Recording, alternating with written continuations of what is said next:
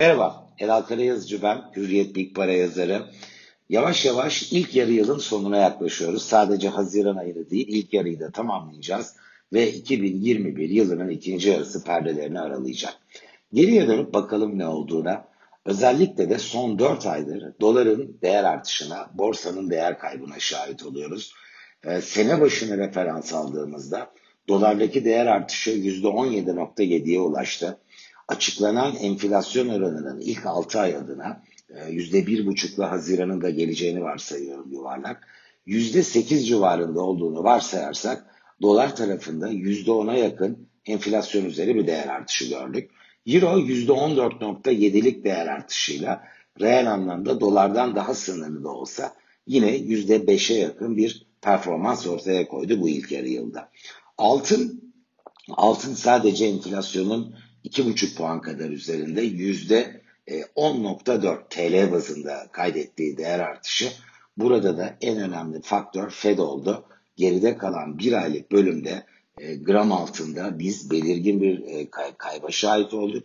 Haziran özelinde TL bazında %3.7 gerilemesi.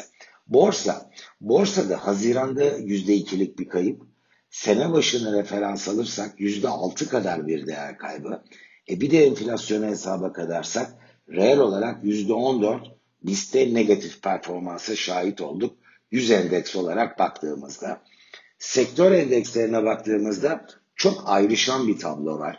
Haziranda sanayi endeksi %4.8 değer kaybına uğradı ve sene başına göre getirisi TL bazında 5.4'e geriledi. Enflasyonu da altına düşmüş oldu. Bankacılık endeksi Haziran'da sevindiren tarafta %2.9 yükseliş gördük. Fakat sene başına göre %22.6 hala bankacılık endeksi aşağıda bir de enflasyonu hesaba katarsak %30'da geçen reel bir kayıp var burada. Peki bu daha ne kadar süre böyle devam eder? Hep borsa düşecek, dolar yukarıya mı gidecek? Ben açıkçası bir süre daha devam etmesinin mümkün olduğunu düşünüyorum. Ama bunu bir favori senaryo olarak öne çıkarmıyorum. İşte Fed ne yapacak? Varlık alımları kesinti kararını acaba 28 Temmuz'da mı alacak? Amerika'nın enflasyonu, istihdam derken dolar dünyada kuvvetlenirken, arada delta varyantı rahatsızlık yaratırken biz belki 1391 puan olan BIST endeksinin Temmuz ayı içinde 1350-1380 bandını test ettiğine de şahit olabiliriz. Fakat e, yılın ikinci yarısında rollerin değişmesinin ve bu kez sevindiren tarafın borsa, e, sevindiremeyen tarafınsa döviz cephesi olmasının şansı daha yüksek bir senaryo olduğunu düşünüyorum. Dolarda 8.80 test edildi zaten geçen hafta. 9'a kadar bir yükseliş imkansız değil hatta mümkün olabilir. Temmuz'da bunu görebiliriz. Fakat e, yılın ikinci yarısında ben 8.30-8.40 bandında stabilize olan bir doların daha şanslı yüksek bir senaryo olarak öne çıktığını, borsada da Şubat 2022'ye kadar olan bir takvim döneminde BIST 100 endeksinin 2000 puana kadar e, yükselecek bir potansiyel olduğunu düşünüyorum. Elbette bu e, denklemde etkili olacak birçok faktör var.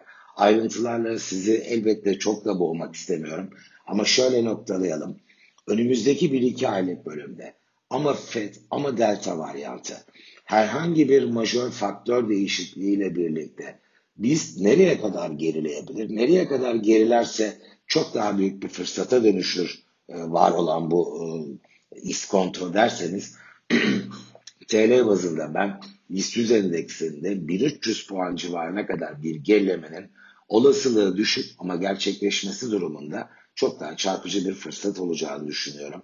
Bunu döviz tarafına yansıtırsak dolar TL tarafında e, favori bir senaryo olarak görmemekle birlikte hatta yüksek olasılıkla test edebilir diyememekle birlikte 9.40-9.50 bandına çıkılmasının da bir en senaryosu olduğunu ama bu primin de yine kalıcılık göstermesinin güç olduğunu düşünüyorum. Altınla noktalayalım. Fed'den muzdarip dedik. E, bu cephede bir teknik sıkışma var. E, önümüzdeki bu birkaç hafta içinde 1783 ee, dolar civarında şu anda ons altın. Biz 1875'e doğru hızlı bir hareketle görebiliriz. 1700 dolara doğru hızlı bir geri çekilmede. Adeta ikisi de şansları çok kısa vade adına teknik ritmik açıdan baktığımızda masada olan senaryolar. İstihdam Cuma günü açıklanacak Amerika'da. Güçlü bir gerçekleşmeye imza atarsa bu kırılımın aşağı yönde gerçekleşmesi olasılığı daha yüksek olacaktır. Fakat iki aylık bir set halinde baktığımda ben ons altın cephesinde değer kaybının 1700 civarıyla da kalmaz. 1635 dolara kadar süreceği bir tabloyla karşılaşacak olursak orada özellikle Amerika'nın tahvil faizlerindeki yükseliş baskı unsuru oluyor. 1635 dolar civarının gram altın adına değil ama ons altın adına başka bir deyişle doların yerine tercih etmek adına bir fırsat olarak görülebileceğini ve yılın ikinci yarısında 1635 bölgesinden daha hissedilir bir yukarı yönlü ara pozitif akımın zemin kazanacağını düşünüyorum.